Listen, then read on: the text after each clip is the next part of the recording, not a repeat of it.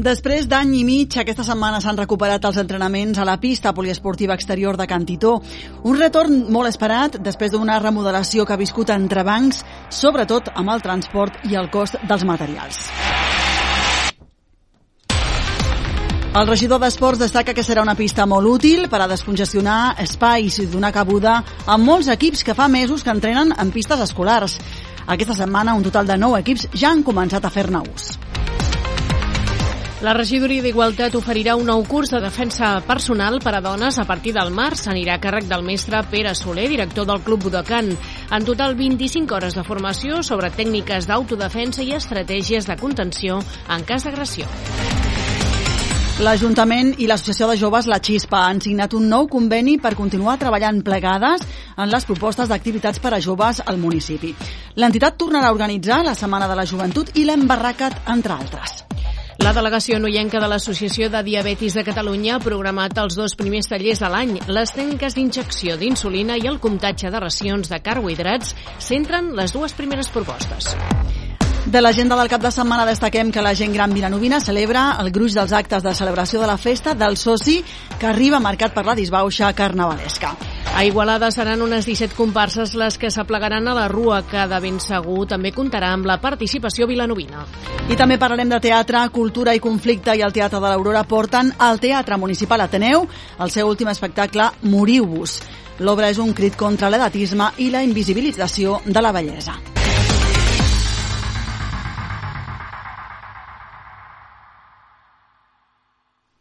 Després d'un any i mig i un cop finalitzades les obres de la coberta, aquesta setmana s'han recuperat els entrenaments a la pista poliesportiva Cantitó. És un retorn molt esperat pels clubs esportius després d'una remodelació que ha viscut entrebancs pel camí, sobretot relacionats amb el transport i el cost dels materials. Unes obres que s'han desenvolupat en dues fases i es van allargar en el temps, primer per les dificultats d'arribada del ferro i més endavant pels detalls en els acabats i la pintura del terra. El regidor d'Esports destaca que serà una pista molt útil per a descongestionar espais i donar cabuda a molts equips que fa mesos que entrenen en pistes escolars. És cert, diu Rafa Gavarri, que aquest espai no ofereix les prestacions d'un poliesportiu totalment cobert i amb un terra esportiu, però assegura que és molt gran i polivalent i ens farà molt bon servei.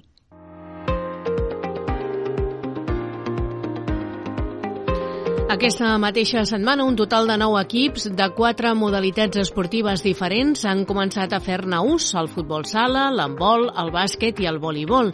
Properament també té prevista donar cabuda al campionat de futbol sala de lleure i als partits dels Jocs Escolars de la Noia. I un cop passat el període d'arrencada, també està previst que hi hagi franges de lloguer per a partits i aniversaris i franges de joc lliure per a la ciutadania, com ja passava amb la pista exterior.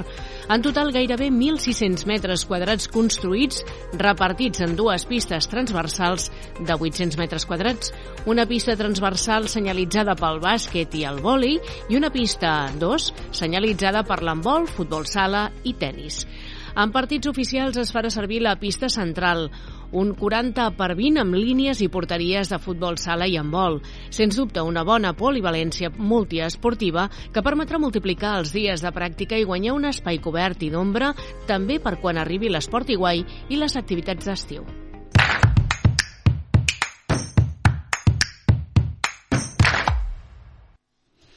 La regidoria d'Igualtat de Vilanova del Camí oferirà un nou curs de defensa personal per a dones a partir del dia 7 de març. Anirà a càrrec del mestre Pere Soler, director del Club Budokan Vilanova del Camí, qui ja té experiència en la realització d'altres tallers d'autodefensa al municipi. El curs impartirà els dimarts i dijous de dos quarts de quatre a dos quarts de cinc de la tarda al Club Budokan, al carrer Migdia, del 7 de març al 8 de juny. En total consistirà en 25 hores de formació sobre tècniques d'autodefensa i estratègies de contenció en cas d'agressió. L'objectiu és dotar les participants de les eines necessàries per preservar la integritat física per mitjà de la simulació de situacions de perill o atac i facilitant-ne mecanismes de protecció i de contenció.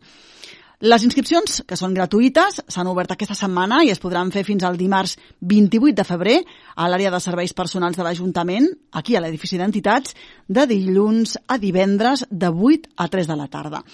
També es poden fer al telèfon 93 805 44 11, l'extensió número 2, o per correu electrònica serveissocials arroba vilanovadelcamí.cat. Cal dir que l'aforament és limitat. L'activitat s'emmarca en l'agenda d'actes que la Regidoria d'Igualtat impulsa amb motiu del 8M i compta amb el suport del Pacto de Estado contra la Violència i la Diputació de Barcelona.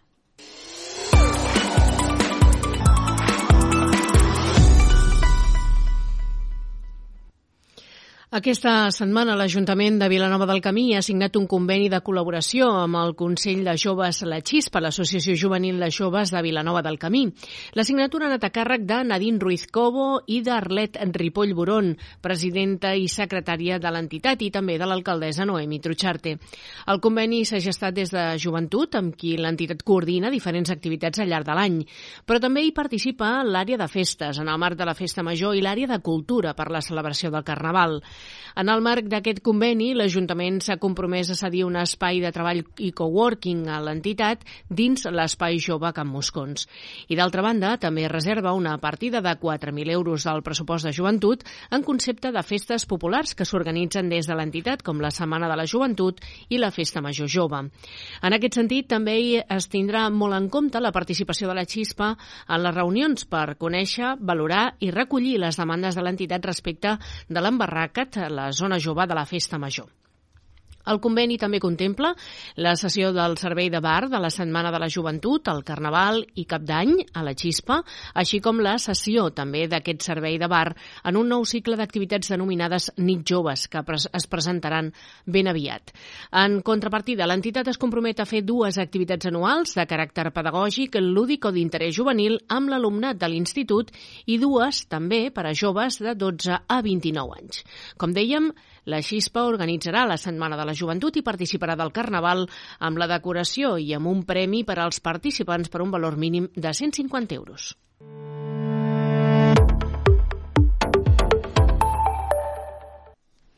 La delegació noienca de l'Associació de Diabetis de Catalunya, l'ADC, ha programat els dos primers tallers d'aquest any 2023 amb la voluntat de recuperar el ritme del 2019. El primer taller es farà el 21 de febrer i girarà entorn de les tècniques d'injecció d'insulina, mentre que el segon està programat en doble sessió de matí i tarda pel dijous 23 de febrer i estarà centrat en el comptatge de racions de carbohidrats. L'ADC ofereix de manera periòdica xerrades i formacions sobre diversos temes que poden ser d'interès per a les persones amb diabetis o per a les seves famílies. Així mateix explica Esther Maldonado, responsable de l'ADC a la Noia, aquest any s'han plantejat la programació de diferents tallers pràctics i dinàmics de caràcter mensual per ajudar a totes aquelles persones que conviuen amb la diabetis. Són tallers que estan oberts a tota la població interessada i també als professionals i cuidadors. El primer, com dèiem, està programat pel dimarts 21 de febrer i es centrarà en les tècniques d'injecció d'insulina. Començarà a les 6 de la tarda al Centre Cívic Nord d'Igualada i anirà a càrrec d'Adriana Ferratza, de l'empresa Beckton Dickinson, especialitzada en les cures de la diabetis. Ferratza explicarà de manera pràctica i assequible algunes qüestions bàsiques relacionades amb la injecció d'insulina, com la necessitat de fer rotacions en la zona de punxada, la longitud de l'agulla més adequada o consells per evitar la lipodistròfia, prominències del teixit que apareixen a conseqüència d'injectar la insulina sempre a la mateixa zona. Escoltem a Esther Maldonado. Es parlarà del tema de les rotacions. Es parlarà de quan s'ha d'utilitzar les agulles, que tenim la mania de reutilitzar-les.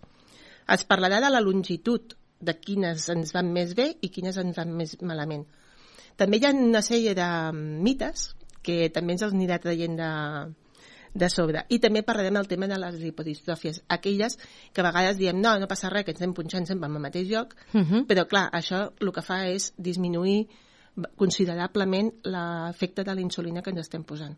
Llavors, uh mhm. -huh. a vegades estem alts de sucre després i no entenem el per què.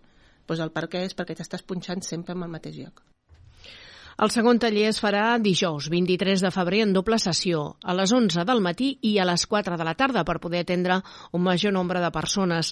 En aquest taller, Esther Maldonado, formadora i agent diabetològica, donarà les bases per fer el comptatge de racions, un altre dels requisits bàsics del dia a dia d'una persona diabètica. Maldonado donarà les claus per facilitar aquest comptatge d'hidrats de carboni i farà una introducció teòrica a conceptes com la unitat greix-proteïna o el rati, unitat insulina. I és que aquesta ràtio marcarà la quantitat d'insulina necessària per metabolitzar una reacció d'hidrats de carboni, la qual pot ser diferent depenent del moment del dia. És important, diu Maldonado, fer un bon càlcul per evitar quedar-se curt i fer una hipoglucèmia o passar-se i fer una hiperglucèmia. Si nosaltres, com una persona amb diabetes, no mengem, ens posem la insulina que ens toca i nosaltres no tenim cap mena de problema perquè ja la insulina que ens hem posat ens arriba, ens arriba a totes les necessitats que, necessi que tenim. No? El problema és quan nosaltres mengem. Per què? Perquè aquest àpat que hem fet ens farà pujar el sucre. Què hem d'intentar? Que aquesta glicèmia no pugi que pugi una miqueta per l'àpat, però hem de saber que aquesta pujada de l'àpat ens l'ha de solventar aquesta insulina que ens hem posat. Uh -huh. Llavors, quan hem dit ja que hi ha el rati unitat insulina, vale? Hem de saber que per aquesta ració d'hidrat de carbó, perdoneu, carboni, sí, hem de saber una quantitat concreta d'insulina. Uh -huh. Si ens passem, doncs tindrem una hipoglucèmia després. Si no arribem, tindrem una hiperglicèmia. Llavors hem d'anar, l'objectiu és trobar aquella justa mesura. El taller sobre comptatge de racions serà el tret de sortida per les dinàmiques que l'ADC vol fer de manera mensual amb l'objectiu que els participants puguin practicar i millorar la seva qualitat de vida. Tenim jocs per poder anar interactuant, que a vegades amb el joc és molt fàcil aprendre. Tenim mantells de menús que llavors veiem, que sobretot aquest és d'una casa que ho han fet molt bé, llavors vas veient tot el que són les equivalències, el que pots menjar, sobretot amb la frita, amb el, amb el pa, etc Treballarem les taules del Serafín Murillo, que són genials, vale? ja les ha actualitzat fa molt poquet. Parlarem sobretot de, de, de les apps que tenim al mercat val? de tecnologia que podem utilitzar per fer aquest càlcul, i després anar practicant les fórmules perquè ens vagin quedant i ens vagin introduint constantment per saber què és el que hem de fer i que no ens resulti tan difícil a l'hora de poder dir ara tinc que calcular la ració, com ho haig de fer? A banda de la ingesta d'aliments, hi ha diferents factors que poden influir en l'índex glucèmic, com l'estrès o les hormones, en el cas dels adolescents. Esther Maldonado assegura que les persones amb diabetis pateixen constantment d'estrès, generat per les múltiples decisions que han de prendre durant el dia. La persona amb diabetes viu amb un estrès constant, siguem realistes. Pren moltes decisions durant el dia encertades o desencertades, tant és, però això genera un estrès, uh mhm. -huh. mal ens pesi. A vegades no et dones compte que el tens, però realment hi és, val? i això tampoc ajuda. Per participar en aquests tallers de l'ADC cal inscripció prèvia a adc.cat i per a qualsevol informació addicional o dubte us podeu dirigir també al seu correu electrònic adcanoia.adc.cat o al telèfon 659 69 56 03 on de dilluns a divendres de 4 a 8 de la tarda excepte els dimarts que serà de 6 a 8 del vespre. Aquest cap de setmana se celebra el gruix dels actes de celebració de la Festa del Soci que arriba marcat per la disbauxa carnavalesca. Després d'una tarda especial de bingo que fan aquest divendres, demà a les 6 de la tarda, a Camp Papaseit, els socis i amics de l'entitat de la gent gran s'aplegaran en el ball de Carnaval i el concurs de disfresses amenitzat pel trio musical Peps i Maria José. Tots els socis de l'entitat tindran entrada gratuïta i també totes les persones que vagin disfressades. A més, s'entregaran tres premis de 150 i 25 euros a les tres disfresses més creatives, segons el jurat. I d'altra banda, diumenge tenen prevista també una sortida a les mines de la Sal de Cardona. Els amics de les antiguitats, amb el suport de l'Ajuntament de Vilanova del Camí, ofereixen aquest dissabte un nou mercat d'antiguitats i articles de segona mà a la plaça del Mercat. Podeu visitar-lo de 8 a 2 del migdia. El mercat es fa el tercer dissabte de cada mes. I la colla excursionista té una nova cita aquest diumenge, una sortida sense marxar gaire lluny. Aniran a Cupons fins al Pi del Quildo, un arbre centenari d'aquest terme de l'Alta Noia. Sortiran del lloc habitual amb cotxes a les 8 del matí. Tenen previst tornar cap a les 2 de la tarda.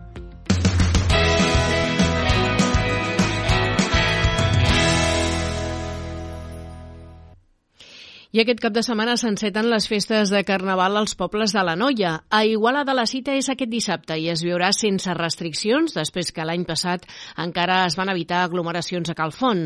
Aquest any la festa torna amb força i seran unes 17 les comparses que s'aplegaran a la Rua, que de ben segur també comptarà amb la participació vilanovina. La rua sortirà a dos quarts de set de la tarda i farà el recorregut habitual. En arribar a la plaça de Calfont, al voltant de les 9 del vespre, tindrà lloc la lectura del pregó realitzat aquest any pel Gremi de Traginers, alhora que es farà públic el veredicte del jurat i es lliurarà els trofeus del concurs a les tres millors comparses. A més, hi haurà un total de 15 premis en metàl·lic, 5 de 500 euros i 10 de 200 euros. La rua estarà encapçalada una vegada més per la banda de cornetes i tambors de la cofradia de Fàtima i tancarà la comitiva la carrossa del rei Carnestoltes, que aquest any és a càrrec de l'antic gremi de traginers d'Igualada. D'altra banda, l'endemà diumenge hi haurà un espectacle infantil a càrrec dels músics del parc a les 12 del migdia a la plaça de l'Ajuntament, on la mainada podrà lluir les disfresses i ballar. Aquesta activitat està organitzada amb la col·laboració de xarxa d'Igualada.